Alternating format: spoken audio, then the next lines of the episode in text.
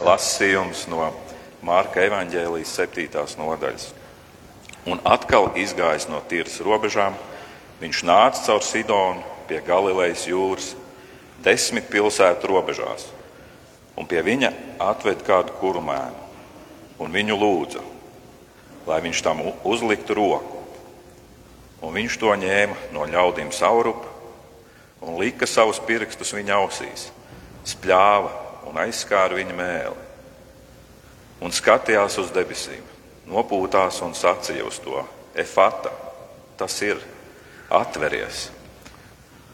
Un viņa ausis atvērās, un tūdaļ atraisījās viņa mēls saites, un viņš pareizi runāja. Un viņš tiem pie, pavēlēja to nevienam nesacīt, bet jo vairāk to aizliedz, jo vairāk tie to izpauda. Un brīnījās ļoti par to un sacīja: Viņš visas lietas ir labi darījis, viņš dara, ka, kur, pat, ka pat kurlie dzird un mēmie runā. Tā kunga vārds. Pateicība Dievam. Mēs uh, dzirdējām ļoti neparastu lasījumu par uh, šo dziedināšanu, par šo neparasto dziedināšanu, kur Jēzus aizved saurup malā šo kurmēmo cilvēku un uh, liek viņam pirkstus ausīs un spļauj un aizskar mēli un saka, efata atveries. Un pēkšņi šis cilvēks sāk normāli runāt. Un, ja mēs tā, nu, man tas arī bija tā interesanti, jo tie cilvēki, kas slikti dzird, viņi arī nevar parunāt, jo It sevišķi, ja viņi jau no agras bērnības nedzird, viņi neiemācās runāt. Bet eh, šodien vēlos parunāt par to, cik neparasti Dievs darbojās. Un tad, kad Dievs neparasti darbojās, tad eh, kāda ir mūsu reakcija visbiežāk uz to? Um, kā mēs varam sevi sagatavot tādai brīnumainai Dieva darbībai? Un skatoties uz šo situāciju, nu, ja mēs tagad mēģinātu iztēloties, kā tas notiek, kā ir aprakstīts šajā evaņģēlīja lasījumā, ja mēs būtu tur klāt un visu redzētu, kā tas viss notiek, kā Jēzus darbojās pie šī kulmēmā un kā viņam atveras dzirde un, re, un, un runa, es domāju, tas būtu ļoti, ļoti neparasti. Un pavisam neparasti, ja tas notiktu, piemēram, šeit, pie mums šādā veidā. Un vēl neparastāk būtu, ja tas notiktu pie mums pašiem. Un mēs jau esam piedzīvojuši daudzus uh, brīnuma darbus, kur Dievs darbojās. Bet, ja mēs lasām šo lasījumu, nu, es nezinu, vai pie kāda no mums kaut kas tāds ir noticis, vai mēs kaut ko tādu esam redzējuši.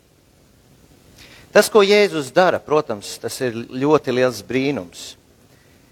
Uh, bet es vēlētos izdalīt kādas nianses, kur mēs varētu ieraudzīt brīnumus iekš brīnumiem.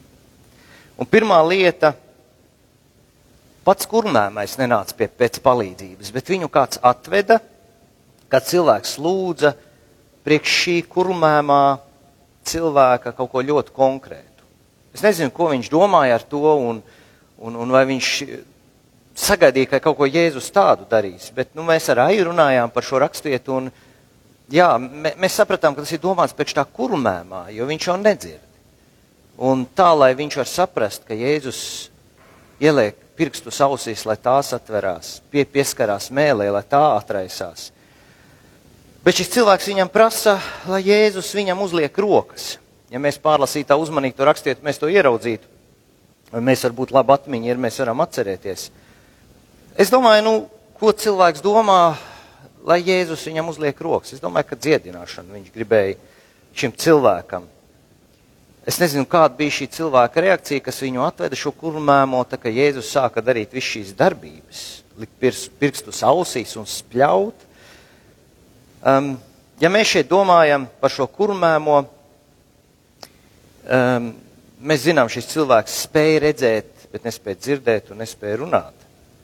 Un es domāju, ka tajā cilvēku barā šis kurmēmais vismazāk satraucās par to, kas ar viņu notiek, nu tādā ziņā, kā tas no malas izskatās. Es domāju, ka viņš arī bija priecīgs par to, ko Dievs pie viņa dara.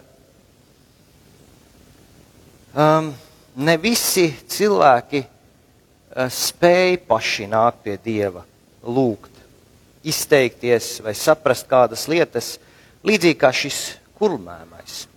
Un uh, ir daudzi cilvēki ar īpašām vajadzībām. Vai, ja mēs ņemam mazus bērnus, pavisam mazus bērnus, nezinu, divi, trīs, pat četri gadi, maz bērni nespēja izteikties, viņi nespēja saprast, ja mēs sakām, teoloģiskus konceptus kā pieaugušie.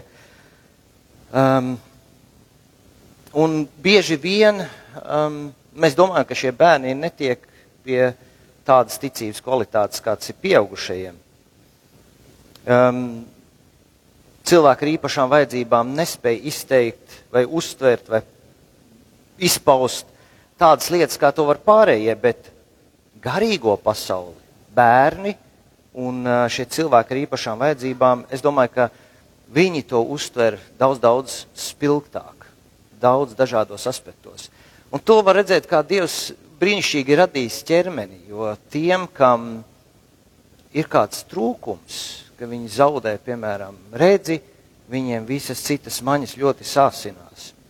Un to es pats pie sevis redzēju. Es biju pārgriezis negadījumā šo saiti, man nekustējās viens pirksts. Un uh, Anglijā man uztaisīja operāciju, un tagad man nemaz nevar pateikt, ka kaut kas būtu mainījies.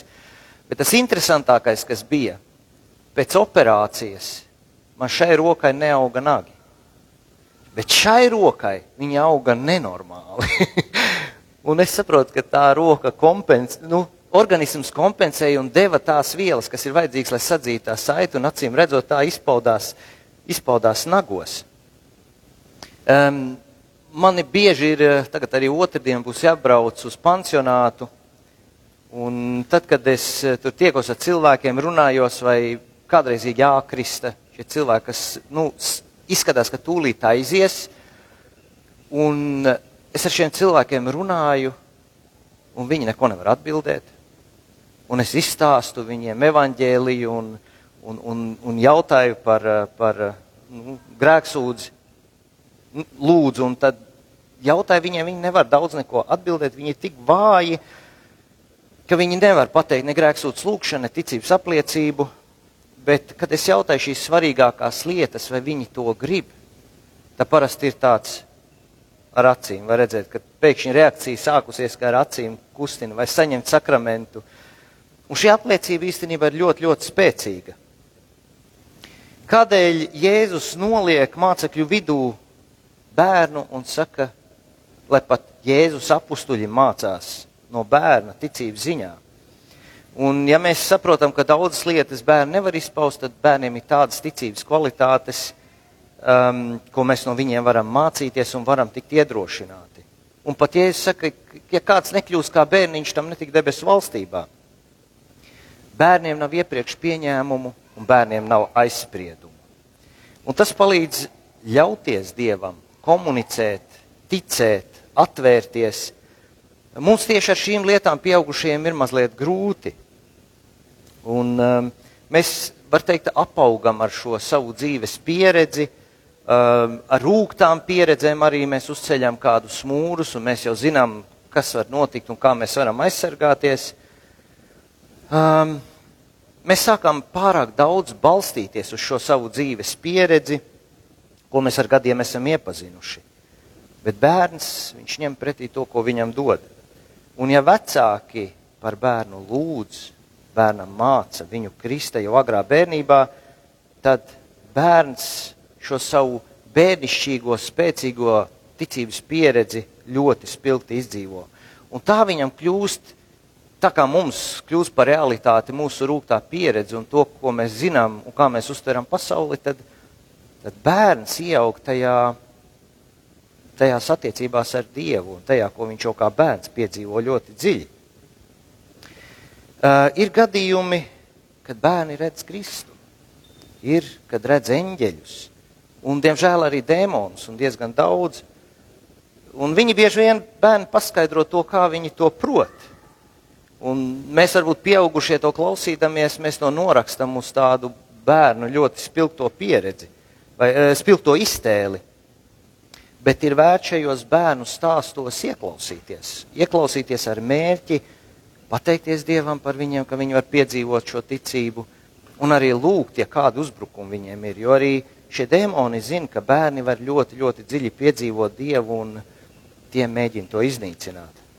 Bet tā kā mēs esam kristieši un mēs esam Jēzu Kristu, mums ir jālūdz par mūsu bērniem. Mēs varam lūgt par garīgu aizsardzību. Es tāpēc arī esmu ļoti priecīgs, ka mūsu konfesijā mēs varam kristīt bērnus jau ļoti, ļoti agrā bērnībā, tūlīt pēc dzimšanas pat. Un arī svēto vakarēdienu saņemt ļoti, ļoti agrā bērnībā. Jo vēstulē romiešiem kristība tā ir savienošanās ar Kristu un piedzimšana no, augšien, no augšienes. Un tā ir ļoti, ļoti svarīga tāda bērna tālākai vadībai, ticības dzīvē un mācīšanai. Jo bērnu nekristot, nu, mēs varam iedomāties, nu, ja mēs saprotam to, kā mēs saprotam kristību, tad mēs bērnu atstājam aiz borta. Viņš paliek nesavienots ar Kristu, un viņam ir ļoti grūti. Visa ģimene ir Kristu, un bērns paliek aiz borta vēlna teritorijā. Protams, ka Dievs sargā arī tādu bērnu, kas nav kristīts. Bet vecākiem, kuri gaida, ka bērns izaugs un pats izlems, vai kristīties vai nē, ir vērts iedziļināties tajā, kas ir kristība. Um, mēs esam pieraduši, ka, ja pat cilvēku lūdz par dziedināšanu, tad uzliek rokas un lūdz, un tā arī vairumā gadījumā ir. Bet, ja Dievs no mums sāk prasīt ko neierastu, ja mēs to piedzīvojam un saprotam, ka tas ir Dievs, nu, ir vērts nenoraustīties. Bieži vien mēs noraustamies, bet ir vērts nenoraustīties.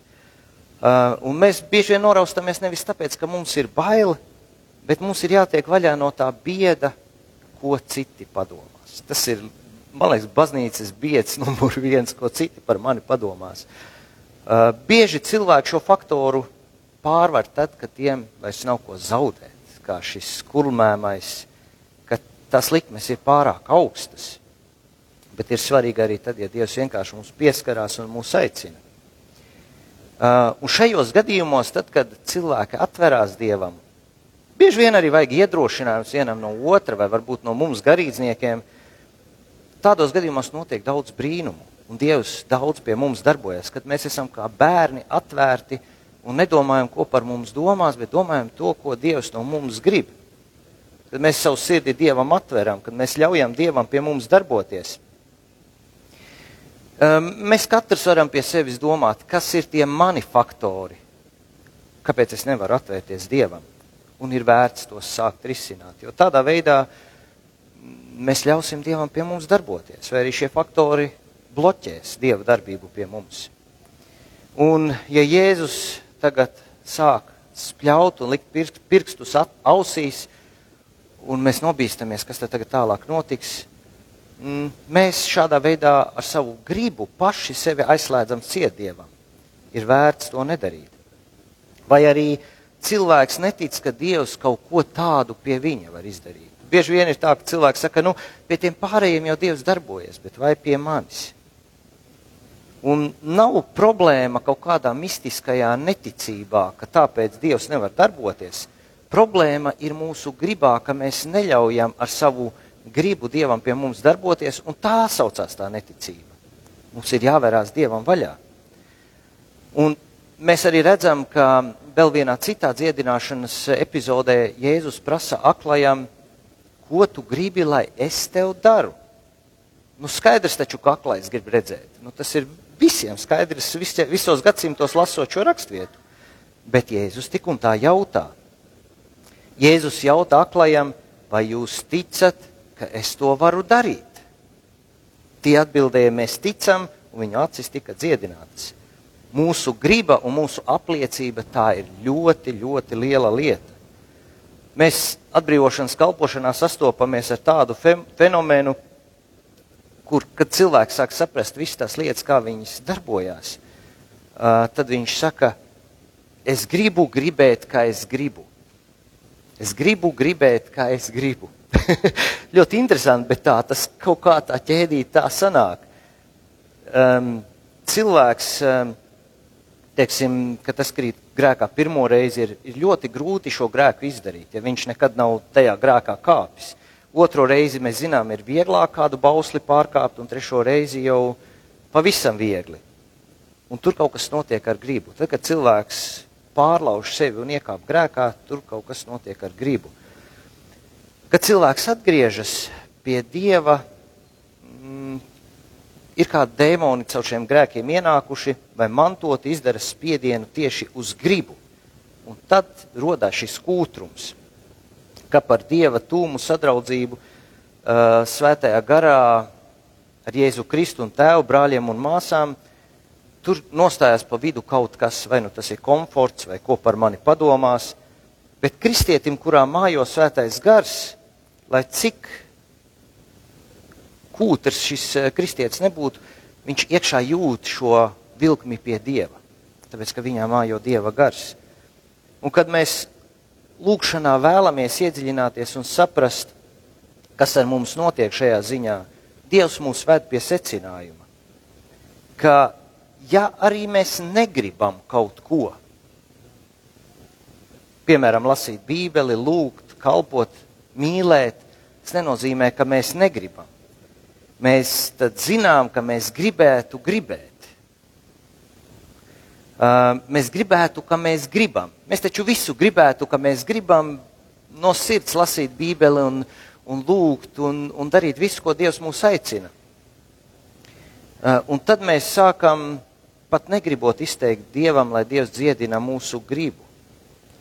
Un mēs esam kalpojuši cilvēkiem ar atbrīvošanu, lai atbrīvotu cilvēka gribu, kur ir pagriezta nepareizajā virzienā ar kādu grēku vai kādu garīgu mantojumu rezultātā. Noslēdzot,